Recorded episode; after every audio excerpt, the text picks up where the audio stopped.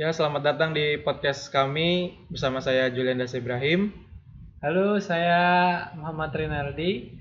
Ya, kita di sini pengen bahas nih tentang kajian budaya, kajian budaya pada fiksi, film, surat kabar dan majalah. Nah, yang pertama tuh kajian budaya, kalau teman-teman tahu itu perspektif teori yang berfokus gimana si budaya itu dipengaruhi oleh budaya yang kuat atau dominan. Nah, tapi si budaya ini nggak punya subjek satu apa satu studi ilmu aja, bukan tunggal dia punya punya objek yang banyak dipahami dari mengenai seni atau kebudayaannya juga dalam kehidupan sehari-hari kita menyangkut salah satunya yang paling ini adalah budaya populer. Nah, yang pertama itu mungkin kita membahas fiksi bersama Iya, Aldi ini. fiksi. Nah, tentang fiksi itu sebenarnya kayak gimana sih gitu? Kalau menurut gue sih ya fiksi ini eh, satu teks yang akhir-akhir ini emang bukan akhir-akhir ini lagi sih emang kebanyakan remaja-remaja kayak kita ini lagi suka-sukanya nih. Iya, betul biasa gitu. Iya kan eh, Isi- fantasi ya I- bro. Isi-isi hari kegabutan. Nah betul dulu. banget betul. Fiksinya biasanya dibaca yang paling sering itu novel. Ada ada, ada novel, ada cerpen, banyak. Tapi yang biasa paling dibaca biasanya novel tuh. Gue pernah baca fiksi dari Delestari yang kesatria bintang dan eh, kesatria putri dan bintang jatuh. Waduh. Sayangnya, ya? sayangnya saya nggak suka Saya baca. saya nggak suka, suka baca novel. Kayak yang saya tahu novel pokoknya prosa panjang lah, mengandung rangkaian cerita kehidupan orang-orang aja. iya jadi eh, kalau singkat sih emang fiksi itu no, atau novel itu sendiri atau cerpen sendiri emang itu berdasarkan cerita bisa jadi cerita sehari-hari Hmm. Nah, tapi kebanyakan sekarang kan apa ya, eh, novel-novel tentang roman-roman, percintaan. Tapi novel itu da- dari pembuatannya dari satu orang ya, A- apa dari ide pemikiran satu satu orang karakter gitu, satu tokoh. Iya, bisa, bisa. Jadi Hmm. representasi kayak kehidupan di sekolah misalnya atau kehidupan semasa kuliah misalnya. Ya macam-macam Hmm. sih emang. Tapi kalau dari novel tersebut kan apa terfokus pada fiksi nih. Nah fiksi itu tuh kayak gimana sih gitu di novel gitu? Jadi fiksi itu cerita atau layar latar yang berasal dari imajinasi.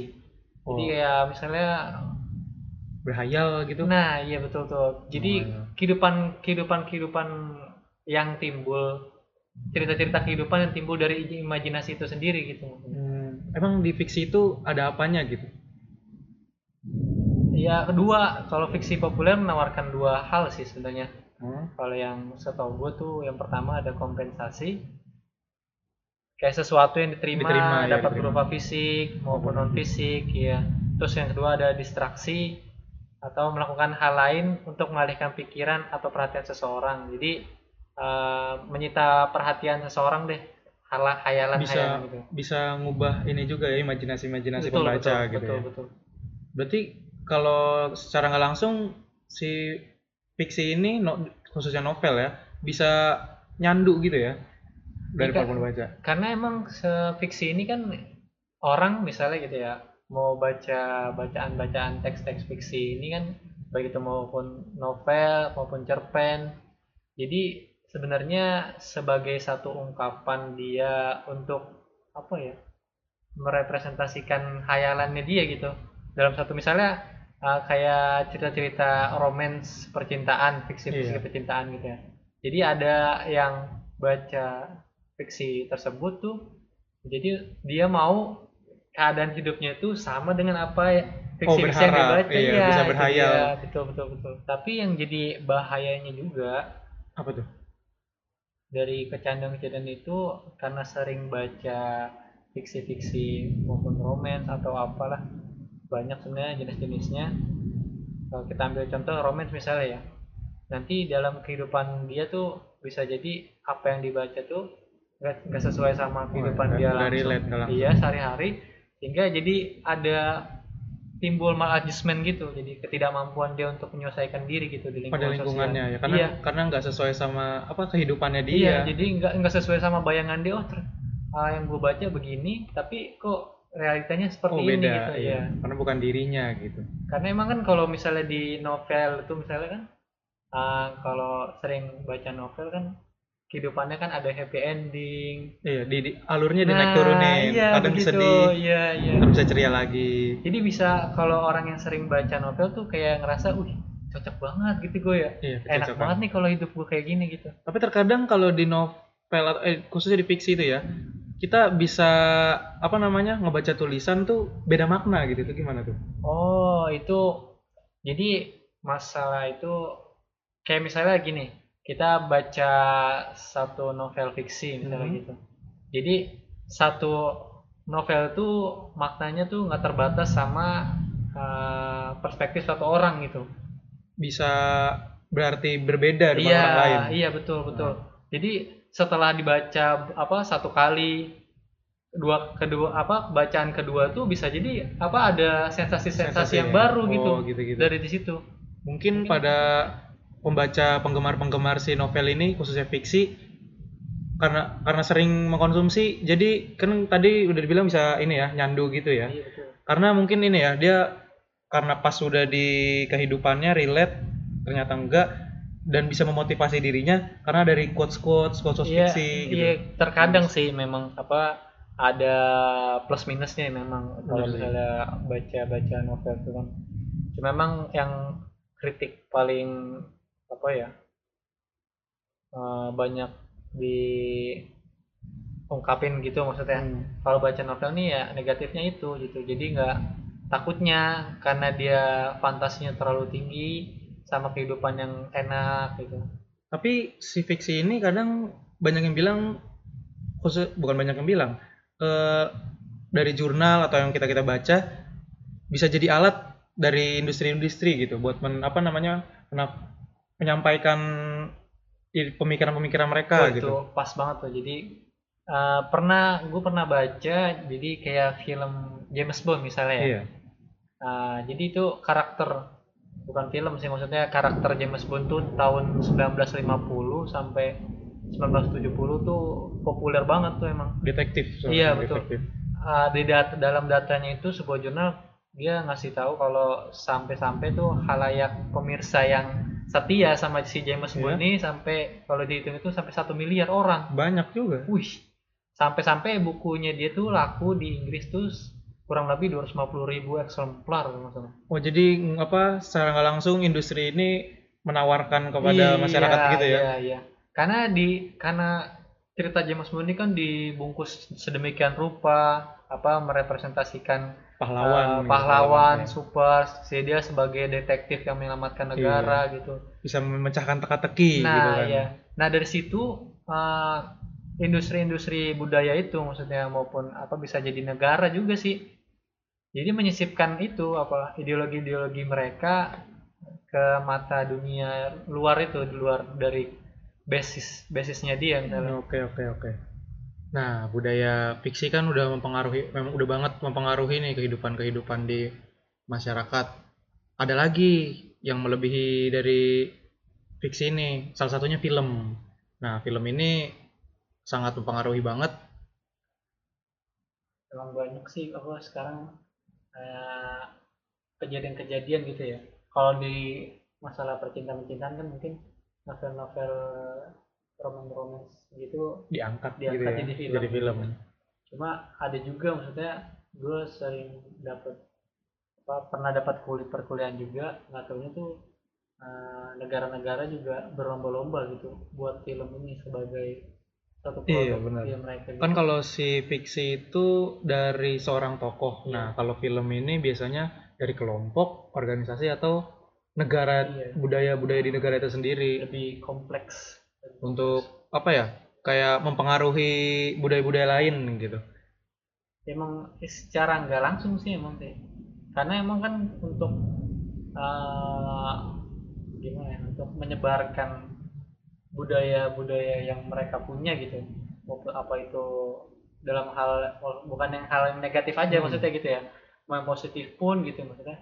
Kayak peduli lingkungan ataupun apa se- nega- ideologi negara sekalipun mengekspresikan apa namanya kebudayaan mereka Iya. keluar Ah, jadi ada pertukaran ini loh Iya, apa iya, kultural budaya-budaya ada Ah. pertukaran-pertukaran budaya Kalau cara-cara yang sebelumnya mungkin kan mereka dengan menjajah satu negara Oh, ya kan Ini perlu di ini aja dengan karya kalau ini. iya iya dengan karya. betul, betul. karena kan lebih apa ya kalau lebih soft gitu kan lebih secara tidak langsung gitu kita nonton film filmnya seru Iya. secara langsung kita mengadopsi apa yang ada film itu yang kita anggap keren.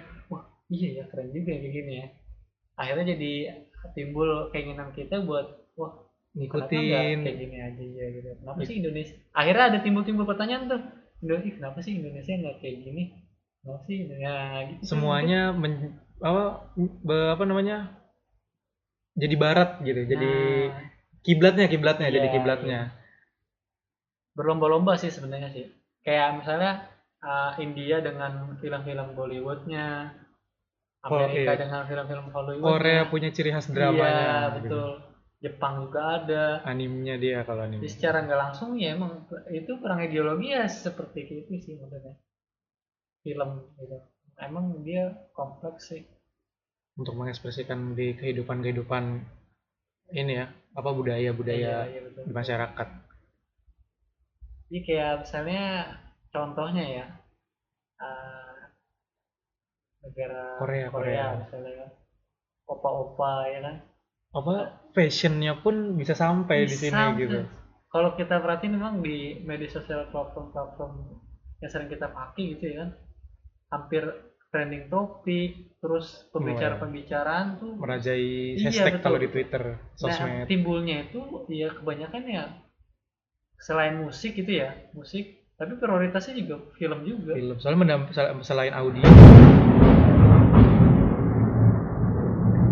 selain mendambakan suara audio atau audio juga apa memanjakan mata kita Iya gitu benar. penampilannya mereka putih gitu Iya. pakaian pakaiannya Malah emang kalau gua gua pernah dengar juga kalau misalnya industri-industri mereka itu emang sengaja dibuat kayak gitu, malah dibiayai oleh pemerintah gitu maksudnya. Emang mereka mau fokus ke situ ke arah situ. Karena ah, mungkin ya untuk itu balik lagi sih ke tadi ya. salah satu ini sih membangun ekonominya Nah, gitu. iya, bukan ekonomi. dengan terus cara lain bisnis tapi karya pun bisa Iya. masuk ke bisnisnya gitu bersaing dengan negara lain tuh biar negaranya tuh bisa sih menampilkan diri apa tuh Eh, show off, show, Oh, eh, show off, show off, so so so off so Iya, off show ya off. kalau kita ngikutin apa namanya eh, kehidupan di Eropa kan kayak globalisasinya gitu. Nah kalau kita, nah kalau si Korea ini pengen buat glokalisasinya, Nah, tipe iya. Asianya gitu. Iya, Dia nggak Eropa doang loh yang bisa nguasain industri di Asia ini. iya, Nah betul. Asia pun ya, malah si Korea ini pengen nguasain industri Eropanya Iya. gitu. Walaupun emang dia ada beberapa yang influence sebenarnya dari Amerika juga sebenarnya. Iya.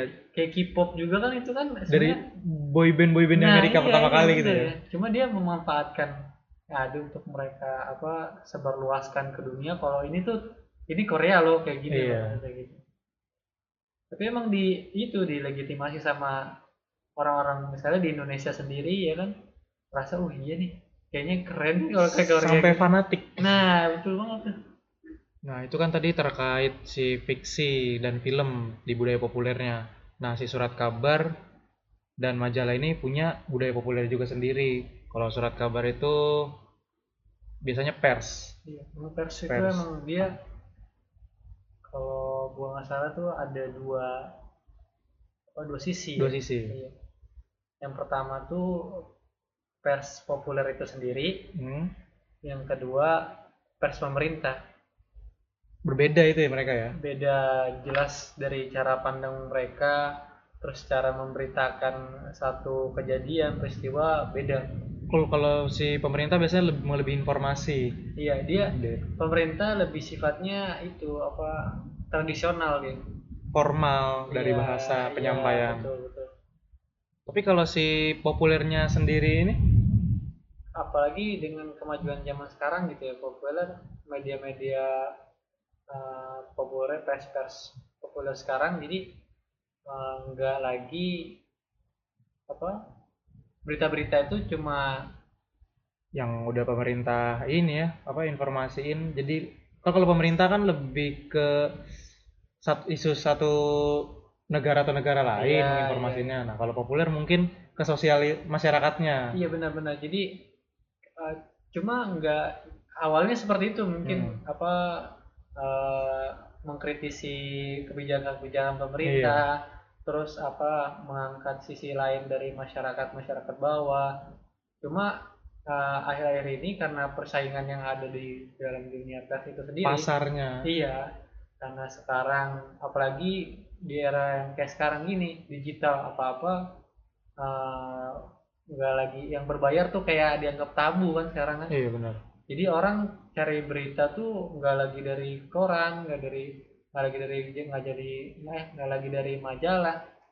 Makanya sekarang banyak apa pers-pers tuh yang akhirnya cari jalan keluar ngambil caranya ngambil jalan singkatnya tuh dari situ dari apa eh, berita-berita yang akhirnya nggak berkualitas lagi nyari emosional masyarakat nah ya dia. bikin berita-berita yang bombastis kadang-kadang terkesan sadis gitu. Cuma jadi cuma ya sekedarnya aja apa supaya mereka mau lihat berita yang ada di platform mereka aja jadi gitu. Karena konsumsi masyarakatnya sendiri itu kayak sukanya gosip Nah, hiburan. iya. jadi informasi udah hilang makanya populer lebih. Kalau di kalau kalau di apa Indonesia sendiri masih ada sih beberapa media-media yang emang masih kritis masih ngangkat secara mendalam gitu. Nggak cuma di dasarnya aja. Kalau sekarang kita lihat kan banyak media apalagi apa digital sekarang kan nggak ada nggak kelihatan tuh media-media yang menonjol Hmm. terlalu menonjol tuh. Jadi bahas berita cuma di dasarnya aja. Kejadian A udah gitu aja. Cuma sih ada sih kayak misalnya Tempo. Tempo jadi kan dia eh, nggak apa ngebahas satu masalah tuh ada investigasinya. Iya Secara mendalam dalam, gitu, dalam. Ya jadi dari semua banyaknya budaya populer dari fiksi film surat kabar dan majalah mulai berkembang sampai saat ini dari udah sejak dulu tuh. Ngebuat banyak terciptanya kajian baru. Iya bener. Ada dulu kan orang tahu sesuatu cuma dari berita Berita, iya. Berita, medianya kertas ya kan? Terus ada berkembang berkembang sampai ada tadi bahasan kita fiksi novel. Iya, munculnya populer karena itu ya apa perkembangan masyarakatnya sendiri, iya. Apa pem- peminatan masyarakatnya, pasarnya, iya. Ngebuat apa media-media jadi beralih ke budaya populer. sampai akhirnya kan apa film tuh kan canggih gitu. Visualisasi film hari ini gitu kan. Iya, lebih apa eh, seolah-olah ya begitu adanya gitu maksudnya seolah-olah itu emang real gitu karena visualisasi yang begitu bagus gitu menggambarkan kenyataan dan belum tentu Iya, padahal itu iya. nyatanya gitu. makanya eh, pasti pasti dan pasti sih kayaknya sih mungkin sangat mungkin ke depannya nanti bakal tercipta kajian baru yang lebih kompleks Iya, lebih luas lagi di masyarakat banyak apa teori-teori baru ntar dikaji lah sama Iya. peneliti-peneliti buat terkait media-media gitu. Ya mungkin itu aja dari podcast kami.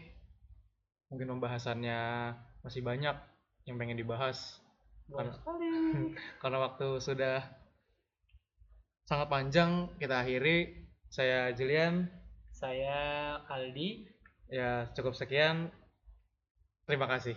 dadah bye bye sampai ketemu lagi